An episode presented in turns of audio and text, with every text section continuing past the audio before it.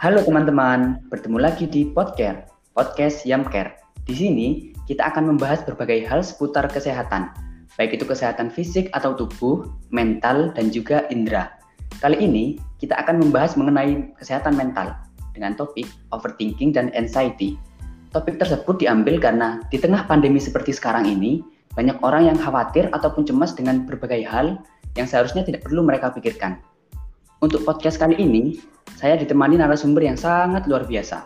Beliau merupakan alumni psikologi Universitas Islam Bandung pada tahun 2016 dan sampai sekarang masih aktif dalam beberapa proyek psikologi serta menjadi pembicara di beberapa kegiatan.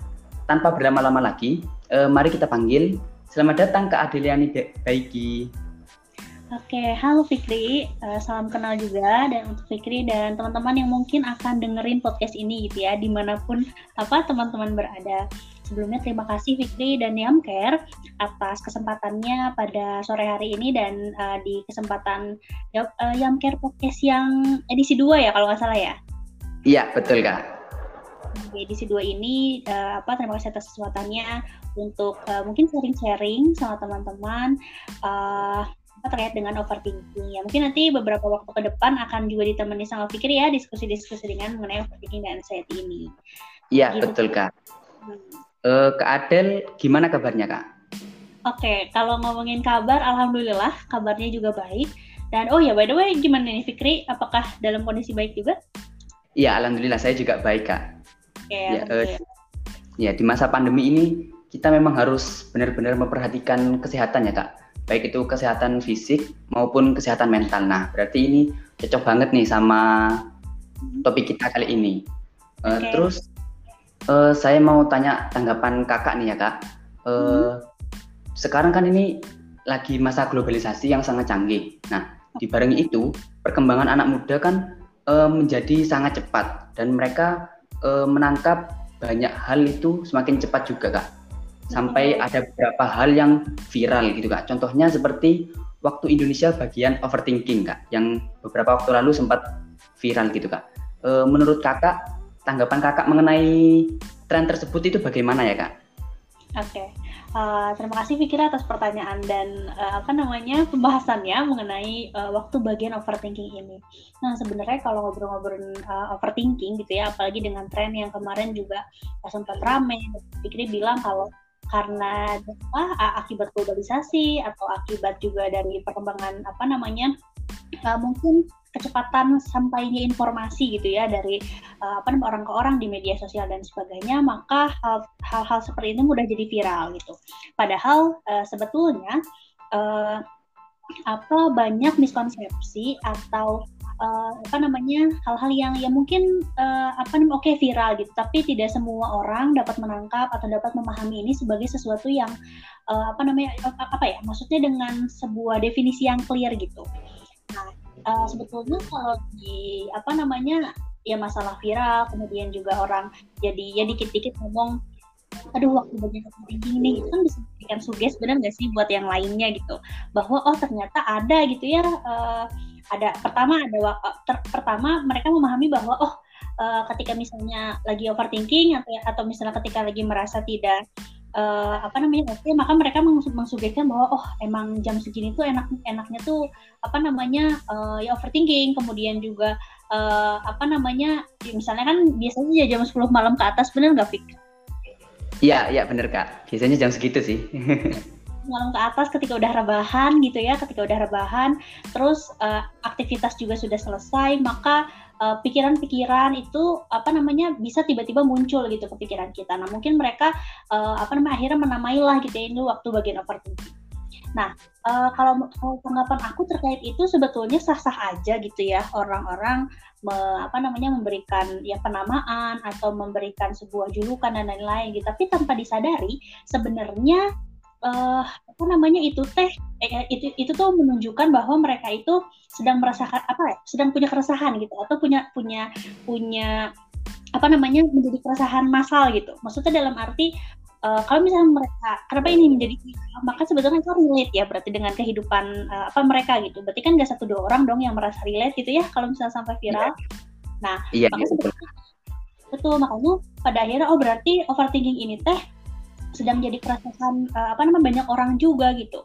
Nah mungkin tuh uh, apa namanya tugas dari uh, ini juga aku sangat mengapresiasi gitu ya tugas misalnya apa sangat mengapresiasi misalnya jam care gitu ya terus uh, kemudian platform-platform yang lain juga banyak itu membahas topik-topik ini yang pada akhirnya memberikan edukasi mungkin berapa ya berupaya juga memberikan edukasi uh, apa tentang overthinking ini karena memang nanti mungkin kita akan bahas uh, jika memang si overthinking ini apa terus menerus dilakukan gitu atau misalnya tidak di atas uh, secara segera gitu maka akan berdampak negatif buat uh, apa namanya teman-teman utamanya di remaja dan ya mau siap siapa pun sih sebetulnya gitu semua usia gitu. Apalagi mungkin jadi viral dan sebagainya.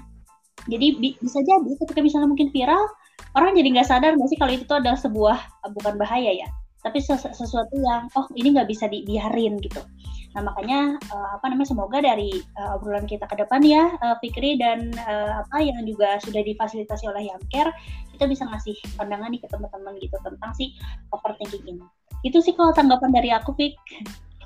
Iya, wah makasih banget ya kak. Ini sangat membuka uh, pandangan buat mungkin teman-teman yang masih awam terkait uh, masalah kesehatan mental ini ya kak uh, untuk selanjutnya ini saya mau tanya mau tanya-tanya nih kak. Tadi kan kakak bilang uh, buat apa namanya tren waktu Indonesia bagian overthinking itu masih bisa dianggap wajar. Nah, lalu boleh apa enggak sih kak kita overthinking atau uh, mungkin ada keuntungan dari overthinking atau malah semuanya itu uh, merugikan kita kak? Oke, okay. nah bicara boleh atau nggak boleh nih, Vic. Jadi sebelum kita masuk ke pertanyaan boleh eh, ke per, apa ke jawabannya ya, boleh atau nggak boleh nih, aku mau coba dulu nih ngajak teman-teman bayangin dulu gitu. Sebenarnya most of us itu pasti pernah nggak sih ngalamin overthinking. Nah, Fikri sendiri sebenarnya pernah nggak sih, Vic, uh, ngalamin overthinking, Vic? Iya, pernah, Kak. pasti gitu. Apa pun itu uh, apa namanya substansi pikirannya atau isi pikirannya, tapi ya rata-rata ya we can stop it no matter how hard we try. Jadi kayak misalnya gini, kita tuh overthinking nih gitu ya. Udah misalnya datangnya tiba-tiba gitu ya atau misalnya juga kita nggak bisa kontrol pikiran-pikiran itu dan kita juga nggak bisa gitu untuk me, apa menghentikan itu se apa namanya walaupun udah sekuat tenaga gitu. Ya nggak sih Krik? Iya iya betul kak. Biasanya uh, muncul tiba-tiba terus kayak kita mau ah jangan jangan jangan mikir gitu. Itu nggak bisa langsung tetap ya. kepikiran gitu kan betul gitu. Nah uh, maka dari itu uh, overthinking ini juga kan adalah sebuah kebiasaan yang sangat sulit dihilangkan. Kenapa aku bilang kebiasaan? Karena biasanya orang-orang yang uh, apa namanya overthinking ini tuh dia melakukannya terus menerus maksudnya uh, apa repetitif gitu. Jadi berulang. Nah awalnya gitu misalnya dia uh, apa namanya bukan overthinking bukan maksudnya ini awalnya dia uh, mikirin hal ini gitu ya kemudian salah gitu dalam apa ya salah dalam menanggapi atau misalnya nggak dapat temen ya pasti nggak dapat solusi gitu dari masalah-masalahnya. Akhirnya dia terus pikirin dia terus pikirin dan dan, dan seterusnya. Maka uh, ketika itu dilakukan terus menerus uh, apa uh, bisa menjadi sebuah kebiasaan gitu dan itu sulit dihilangkan. Nah maka sebenarnya kan kita tahu nih ya Fik gitu bahwa pada saat overthinking gitu ya biasanya di dalam pikiran kita tuh kan isinya tuh kayak kemungkinan kayak misalnya aduh uh, apa namanya kayaknya gini deh kayaknya gini deh kita atau asumsi. Terus biasanya isinya juga skenario terburuk kayak misalnya aduh kalau misalnya gini bakal gimana ya dan lain-lain gitu. Dan juga ada kadang ada prasangka ada praduga dan sebagainya. Nah sebenarnya kalau misalnya ya si tadi kemungkinan kemudian asumsi dan lain-lain ini dilakukan bersamaan dengan sebuah upaya aktif atau upaya preventif dalam arti misalnya ya sambil dia mikir maka dia juga sambil melakukan sesuatu gitu. Atau dia sambil dia mikir dia sambil melakukan upaya preventifnya apa ya? Misalnya agar misalnya tidak terjadi hal-hal yang tidak diinginkan dan sebagainya maka mungkin akan menjadi baik gitu. Nah tapi kalau hanya berhenti dalam pikiran dan terus menerus nggak ada akhir maka akhirnya waktu dan energi kita tuh kan bakal bakal habis ya nggak sih Fik? Iya betul kak. Kalau dibikin ya. terus eh, nggak uh, bakal selesai selesai nantinya gitu. Kayak misalnya contohnya gini, uh, apa kita tuh besok mau wawancara kerja nih, Fik. Nah, akhirnya kita overthinking di malamnya, aduh gimana ya, besok uh, apa namanya kita mau wawancara kerja gitu. Takut kalau orang yang overthinking gitu ya, pasti akan mikirin, aduh gimana ya? Takut pertanyaan susah, aduh gimana ya? Takut nggak bisa jawab, aduh gimana ya? Dan sebagainya. Isinya tuh emosi muatannya tuh negatif gitu. Dan muatannya itu tidak memberikan solusi lah gitu. Dalam arti kan besok mau wawancara kerja. Maka sebetulnya overthinking yang baik gitu ya atau misalnya uh, apa namanya uh, kegiatan yang baik pada malam harinya itu tuh adalah ya yang lebih baik kita mempersiapkan. Besok kira-kira pertanyaan apa sih yang biasanya muncul oleh HRD gitu? Atau uh, apa namanya uh, kita review lagi CV kita gitu. Apakah ada pertanyaan-pertanyaan yang akan mengarah kepada kompetensi-kompetensi kita gitu? Maka uh, overthinking itu tidak akan terjadi gitu. Yang ada nanti akhirnya jadi problem solving gitu. Nah makanya uh, apa namanya lawan atau cara dari uh, ya maksudnya nanti kita akan bahas lebih dalam. Uh, overthinking itu ber, bisa di bukan disandingkan ya tapi bisa di compare gitu ya dengan uh, problem solving gitu. Jadi ketika misalnya kita sedang overthinking maka coba deh lihat orang-orang overthinking itu isi pikirannya itu ya tadi takut dan lain-lain tapi tidak melakukan apa-apa gitu. Nah apakah takut nggak boleh? Ya boleh gitu ya yang namanya takut baru pertama kali dan lain-lain pun tadi kan di dalam overthinking ada skenario terburuk ya maka jadi baik gitu ya ketika overthinking tapi ya itu tadi harus dibarengi dengan sesuatu upaya aktif atau preventif. Jadi akhirnya kita tuh jadi nggak waktu kita atau energi kita nggak akan habis dan kita jadi nggak lupa sama ternyata banyak loh yang bisa kita lakukan gitu di waktu-waktu tersebut untuk berupaya menyelesaikan masalah-masalah yang sedang kita hadapi gitu. Jadi kalau misalnya ngomong boleh nggak boleh, jadi ya jelas nggak boleh ya Pik ya, bener nggak? Iya kak, iya nggak boleh. Uh, dan juga sebenarnya berarti overthinking sama problem solver itu hampir sama ya kak. Cuma kalau overthinking itu uh, mereka cuma dipikirin aja tanpa nyari jalan keluar. Dan oh. problem solver itu mereka kepikiran tapi mereka berusaha mencari jalan keluar begitu ya kak? Betul gitu. Jadi kalau misalnya ditanya lagi itu ya pertanyaan uh, agar lebih clear, boleh nggak sih kak gitu ya jelas nggak boleh dampak negatif gitu ya sama pada diri kita. Depannya aja udah ada bahasa over. Over itu kan berarti kan berlebihan itu sesuatu yang berlebihan maka tidak baik gitu. Tapi ah, iya, benar, benar. Uh, tapi gini Fik. Sebenarnya kita nggak uh, apa nggak cukup hanya berbicara boleh dan nggak boleh gitu. Kenapa? Karena hmm. biasanya pengalaman gitu ya masalah kemudian situasi dan kondisi setiap orang kan beda-beda gitu. Terus juga uh, yang bikin tadi bilang overthinking ini bukan sesuatu yang secara secara sengaja gitu dilakukan. Atau ya bisa gampang aja diberesin atau dihentikan gitu. Karena itu tuh tadi uh, munculnya tiba-tiba atau muncul karena suatu tri suatu trigger gitu ya yang memicu kita gitu. Jadi um, kalau dibilang boleh nggak boleh kita juga nggak bisa mematok bahwa eh nggak boleh lah gitu misalnya. Apa yang overthinking? Ya sedangkan si overthinking itu tuh datangnya juga nggak yang kita pinta gitu atau nggak yang kita pancing bener nggak? Iya iya bener mbak jadi ya kita cari nih gitu ya justru bagaimana caranya gitu untuk mengatasi hal tersebut atau uh, apa ya ketika hal itu datang. Gitu sih kalau dari boleh nggak boleh? Oh ya terima kasih informasinya kak. Ini uh, sungguh apa ya banyak banget informasi yang bisa kita dapat dari kak Adel uh, sore hari ini. Uh, untuk selanjutnya uh, kira-kira overthinker itu ciri-cirinya kayak gimana sih kak? Atau okay.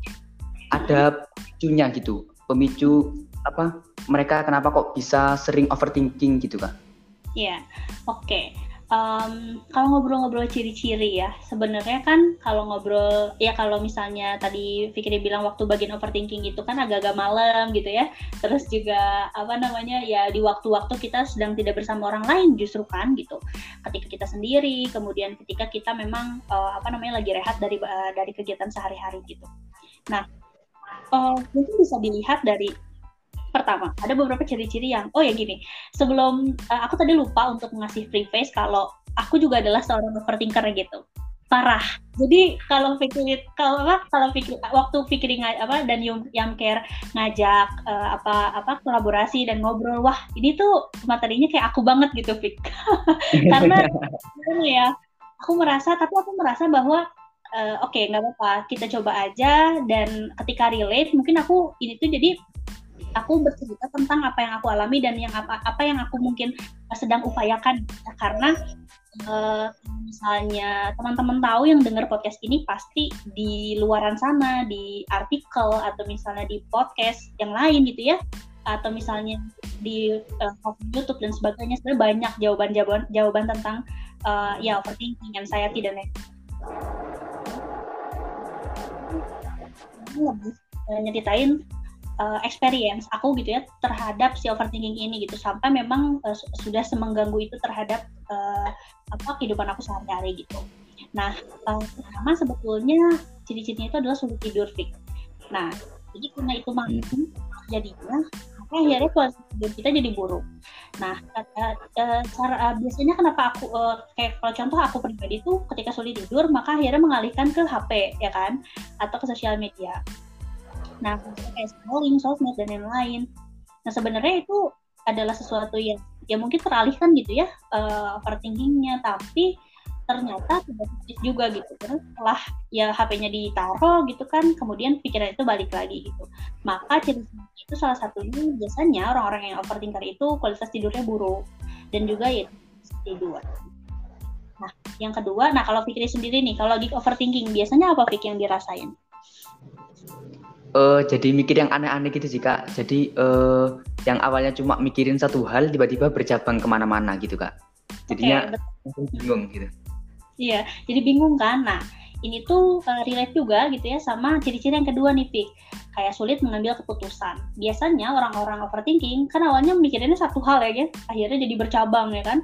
Jadi bercabang pikirannya akhirnya jadi ke mana-mana dan lain-lain gitu. Maka orang-orang yang overthinker juga uh, apa namanya biasanya sulit mengambil keputusan. Misalnya, aduh besok uh, apa namanya se sekecil misalnya bisa pakai baju apa ya? gitu. Atau misalnya uh, enggak kalau itu terlalu terlalu ini ya terlalu simpel. Kayak misalnya contoh oh ini kuliah atau kerja ya gitu ya. Kuliah atau kerja ya misalnya. Uh, aduh kalau kuliah uh, gimana kalau kerja gimana. Dia terus saja mikirin tanpa memikirkan kita di yang problem solver yang eh problem solving yang misalnya isinya tuh berisi alasan-alasan uh, logis atau reasoning reasoning logis yang misalnya kayak kan kalau orang yang overthinker overthinker pasti aduh kalau aku kerja nanti aku nggak bisa uh, apa namanya uh, kuliah kemudian aku nggak bisa uh, dapat jabatan atau uh, suatu posisi yang memang uh, tinggi gitu ya. Karena lulusan SMA misalnya cuma segitu-gitu aja dan lain-lain gitu terus aduh nanti aku dikatakan sama orang misalnya kok nggak kuliah dan sebagainya uh, terus juga kalau misalnya aku kerja eh kalau misalnya aku kuliah aduh nanti aku nggak ada yang bantuin mama nggak uh, ada bantuin mama dan lain-lain nah itu tuh hanya hanya hanya habis untuk memikirkan uh, ya perasaan-perasaan negatifnya aja. Tapi kalau misalnya dialihkan ke si problem solving itu kan jadinya oke okay, kalau misalnya gua kerja berarti konsekuensinya A. Uh, ketika konsekuensinya A berarti harus dapat penghasilan pasif income dari berjualan misalnya atau dari berdagang dan lain-lain. Jadi akhirnya nemukan gitu solusinya. Waktu tidak habis gitu ya akhirnya dia dapat keputusan yang memang sesuai gitu dengan uh, kondisi saat itu gitu. Karena pikirannya itu ter apa terarah gitu. Misalnya dalam hati nggak cuma mikirin muatan-muatan emosi negatifnya aja tapi mikirin gimana caranya keluar dari masalah tersebut gitu. Nah turunlah ya turunlah dari pengambilan keputusan itu akhirnya jadi orang tersebut biasanya juga sulit bersikap kayak misal contoh uh, karena dia sulit mengambil keputusan maka ketika dia harus bersikap gitu ya ketika dia misalnya harus kuliah apa kerja nih gitu kan jadi jadi akhirnya menimbang-nimbang gitu. Dan ketika akhirnya dia menimbang-nimbang dan lain-lain akhirnya dia kan mungkin dipertanyakan ya sama ibunya misalnya jadi gimana nih? Kamu kerja apa kuliah? gitu kan ya dia nggak bisa memutuskan itu gitu. Ya karena apa? Ya karena banyak terlalu banyak pertimbangan terlalu banyak berpikir akhirnya dia nggak dapat jawaban sama sekali gitu. Nah ketika misalnya kondisi memaksa dia untuk memberikan jawaban gitu ya oke deh yaudah gue kerja aja. Nah dia kan gak mateng ya waktu mikirin tuh. Jadi yang, yang dia pikirin cuma ya udah deh gue kerja aja yang penting uh, apa namanya ada penghasilan dan lain-lain. Dia nggak mikirin hal-hal lainnya gitu kan. Terus dia ngerasa itu kurang tepat gitu. Suatu waktu misalnya atau beberapa uh, dia nyesel lah intinya gitu nyesal dia dia nyesel atas keputusan yang dia ambil karena dia berpikir tidak matang itu akhirnya dia nyalahin diri kan atas keputusan yang dibuat. Jadi biasanya orang-orang yang overthinking juga ketika dia salah mengambil keputusan, ya, ya ciri-ciri jadi akhirnya dia menyalahkan dirinya gitu. Padahal dia tahu, kita tahu gitu ya sama-sama bahwa ketika setiap keputusan itu pasti punya konsekuensi, ya nggak sih? Jadi mau ya, betul, uh, mau kuliah mau kerja iya tetap aja gitu kan ada konsekuensinya. Tapi dari konsekuensi itu mana yang paling minim gitu ya uh, resikonya dan mana nih yang sesuai dengan kondisi sih dan biasanya yang terakhir ciri-cirinya itu uh, sering kali merasa cemas gitu. Nanti yang itu akan nyambung ke pembahasan anxiety. Karena kenapa ya orang overthinking itu merasa cemas? Ya karena memang cemas adalah isi gitu ya atau substansi substansi substansi dari si overthinking ini jadi di dalam itu biasanya berisi kemiskinan kemudian juga apa namanya berisinya tadi ketakutan-ketakutan dan lain-lain gitu jadi itu sih kalau yang aku rasa dan aku observasi gitu ya dari orang-orang yang overthinking gitu Fik oh jadi gitu ya uh, Berarti overthinker ini hampir sama kayak orang yang nggak enakan gitu ya Mbak? Ya kak ya? Iya, benar. Kalau oh. misalnya, ya betul betul betul. Uh, biasanya orang-orang overthinking juga nggak enakan. Terus juga dia ya apa namanya ya nggak uh, sebetulnya nggak enakan itu tuh ya karena mungkin dia takut ya. Dia takut dinilai, dia takut di apa namanya di uh, dijauhi misalnya. Karena misalnya dia uh, keputusan dia atau penolakan misalnya gini. Fikri diajak main sama teman Fikri gitu ya. Kemudian Fikri nggak mau gitu.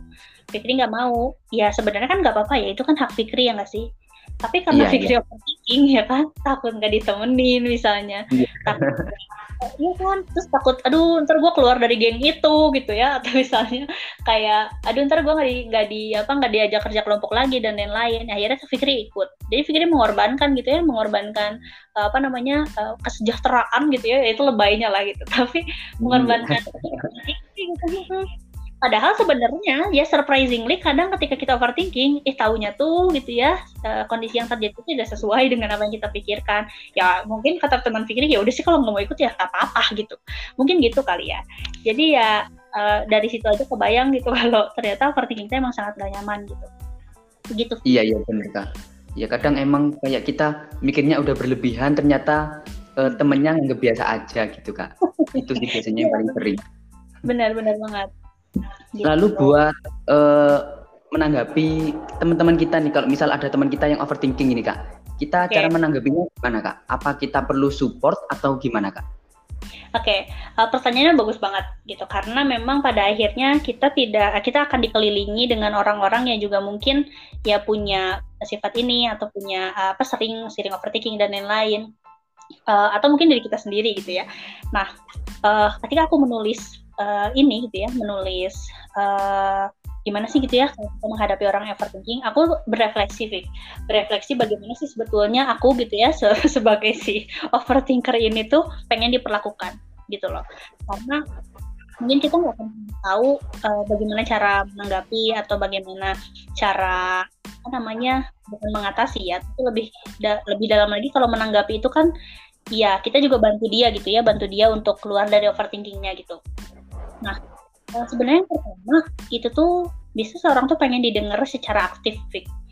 Jadi hmm, nggak mm, cuma didengerin aja gitu, tapi kita tuh betul-betul apa ya? Oke, okay, yang ada dalam pikirannya ini gitu ya. Oh dia mikirnya ke sana dan sok keluarin dulu apa namanya apa yang ada dalam pikirannya. Setelah itu ya kita juga ya merangkum gitu, menanggapi atau memberikan gestur penerimaan atau gestur-gestur mendengarkan. Jadi nggak cuma yang oh gitu, oh ya ya ya, oh cuma pikiran lo aja kali. Kan ada ya yang nggak denger gitu ya, tapi oh, dia iya, iya. gitu, ah itu mah lu mah pikiran lo aja kali. Atau misalnya ah itu mah uh, apa namanya perasaan lo aja kali. Orang nggak kayak gitu. Padahal sebenarnya orang-orang kayak gitu tuh lagi pengen didengar gitu, lagi pengen ngeluarin aja dan pengen dibantu untuk mengurai isi pikirannya, bener gak sih? Kayak iya, iya bener kak hmm, ya belibet aja gitu di pikiran kita banyak gitu yang apa namanya segala apa ya segala tuh yang ya banyak pikiran-pikiran yang memang uh, mungkin uh, apa ya ya ruwet aja gitu ya bahasanya mah gitu. Jadi aku harus mikir dari mana dulu nih, karena aku cemas, aku takut dan lain-lain gitu. Jadi oke okay, gitu setelah didengerin secara aktif, ajak dia untuk mengurai si pikirannya. Nah hmm, dengan cara misalnya gini, dia habis cerita, kemudian kita sampaikan juga, oh oke, okay. yang gue tangkap lo tuh lagi kayak gini nih gitu. Uh, masalahnya di sini di sini di sini dan di sini. Maka ketika apa namanya poin-poin ini menjadi masalah sok gitu ayo kita cari masalah kita itu kita apa kita selesaiin satu-satu gitu. Misalnya di poin A salahnya di mana maka uh, kira-kira baiknya seperti apa dan lain-lain. Jadi diurai gitu, diurai karena kan biasanya saking banyaknya masalah gitu ya, saking banyaknya masalah dan tidak terurai, maka pada akhirnya ya jadi overthinking gitu. Ya cuma dipikirin aja nggak diselesai-selesaiin gitu, karena terlalu banyak masalahnya. Gitu. Makanya memang ya caranya itu tadi didengerin, diurai, kemudian juga dibantu untuk sadar lagi gitu bahwa problem solving itu lebih baik dari overthinkingnya tadi makanya kalau misalnya ada masalah ya gimana nih penyelesaiannya gitu. Bukan aduh gimana ya masalahnya? gitu. Ya karena sampai sampai apa ya sampai uh, kapan pun gitu ya kalau kita cuma overthinking nggak nggak nyelesain gitu ya pada akhirnya jadi terjadilah uh, apa namanya perasaan-perasaan lain atau mengarah pada misalnya penyakit-penyakit yang lain gitu begitu. Dan uh, yang juga perlu gitu ya benar kata Fikri tadi bahwa perlu disupport gitu Fik jadi support dia buat uh, yang yang paling penting adalah oke okay, kalau support dukungan kayak ayo semangatnya lu pasti bisa. Itu tuh cukup gitu. Tapi ada lagi gitu yang lebih yang lebih uh, apa namanya penting untuk orang-orang overthinking yaitu dukung dia tuh untuk mengkomunikasikan masalahnya karena uh, menurut aku sepengalaman aku dan bagaimana yang aku rasakan orang-orang overthinking itu cuma butuh berkomunikasi gitu. Butuh hmm, apa namanya memvalidasi pikiran-pikirannya. Itu kan ada jadi kalau bahasa psikologinya itu kan ada ini uh, apa namanya dis distorsi kognitif. Jadi ada distorsi-distorsi atau kesalahan berpikir gitu ya kesalahan berpikir di dalam uh, apa namanya orang-orang yang overthinking maka uh, yang perlu yang perlu dilakukan adalah memvalidasi. Misalnya benar nggak nih pikiran yang kita uh, pikirin? Berarti kan caranya untuk memvalidasi itu ya berkomunikasi ya nggak sih? Iya iya betul kak. Gitu. Jadi untuk mengatasi distorsi-distorsi tersebut, dorong orang itu untuk mengkomunikasikan masalahnya gitu. Dan uh, apa namanya terakhir adalah fokus pada masalah. Jadi problem fokus, jangan emotion fokus. Biasanya orang-orang yang overthinking itu tuh emotion fokus. Dia fokus sama emosi-emosi yang masuk, kemudian akhirnya dia pikirin gitu ya tapi dia nggak dia, dia lupa gitu bahwa ini tuh masalah dan harus diselesaikan bukan cuma difikirkan gitu contohnya gini uh, Fikri uh, apa namanya daerah rumahnya uh, suka banjir nggak? Iya kadang kalau hujan lama gitu banjir sih kak soalnya sebelah rumah itu ada sungai. Oh, Oke okay. kebetulan banget nih contohnya itu lebih uh, contohnya itu tentang banjir. Nah biasanya orang-orang yang uh, di daerah banjir mereka kan sudah apa ya sudah tahu lah ya kadang wah ini kondisinya kayaknya air tinggi nih dan lain-lain gitu. Nah Nah, tapi kebetulan tetangga Fikri ini rumahnya itu uh, uh, tetangga Fikri itu baru gitu ya, baru pindah ceritanya gitu. Nah, dia kan nggak tahu ya kondisi uh, sekitar bagaimana dan lain-lain gitu. Tapi dia memang uh, apa namanya tahu gitu rumahnya itu emang di, di bantaran sungai gitu.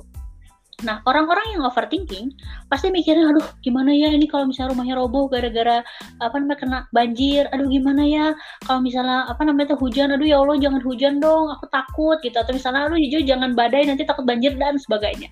Tapi dia tidak melakukan apa-apa gitu, Fik. Kebayang nggak apa yang bakal terjadi gitu? Yang terjadi adalah ketika hujan, jadi banjir, ya udah gitu, masuk aja ke rumah gitu kalau airnya. Karena dia, iya. dia kan, iya karena ketika dia mikirin boleh nggak sih gitu ya merasa takut ya boleh gitu ya. Tapi dia tidak melakukan aksi produktif gitu atau aksi apa aksi-aksi preventif untuk mencegah si banjir masuk ke rumah gitu atau ya, si banjir ini merusak rumahnya gitu.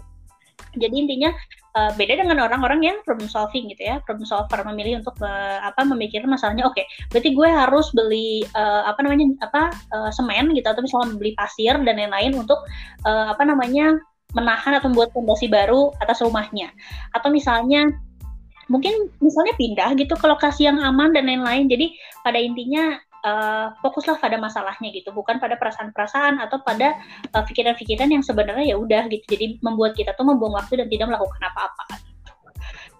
Begitu, itu sih Fik. Jadi uh, ada yang, nah sejauh ini ada yang mau dikelirkan atau ada yang mau ditanyakan lo nggak Fik? Uh, mau konfirmasi dulu ya kak. Berarti okay. ini sebenarnya overthinker ini perlu tempat untuk curhat ya kak, buat mengurai uh, segala kebingungan yang ada di kepalanya, gitu ya kak? Iya benar banget, itu sih sebetulnya. Itu sebetulnya apa namanya kayak kunci, bukan kunci dari segalanya ya gitu. Tapi maksudnya uh, psychological first aid gitu ya, psychological first aid untuk orang-orang yang overthinking gitu kan adalah itu tadi uh, apa teman curhat. Gitu. Karena uh, orang-orang overthinking itu cuma pengen didengerin dan ngeluarin apa yang ada di dalam pikirannya doang gitu. Sisanya misalnya apa namanya ya uh, terlepas dari ada perilaku-perilaku yang jadi ya tadi sulit mengambil keputusan dan sebagainya kan kembali pada individu.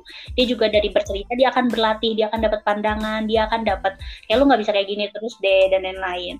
Makanya itu tadi sebenarnya uh, benar kata Fikri ditemenin dan didenger, didengerin itu mungkin udah cukup gitu untuk apa namanya uh, apa ya untuk mengurai sedikit demi sedikit orang-orang orang-orang yang suka overthinking gitu bener Fikri tuh iya iya iya, iya.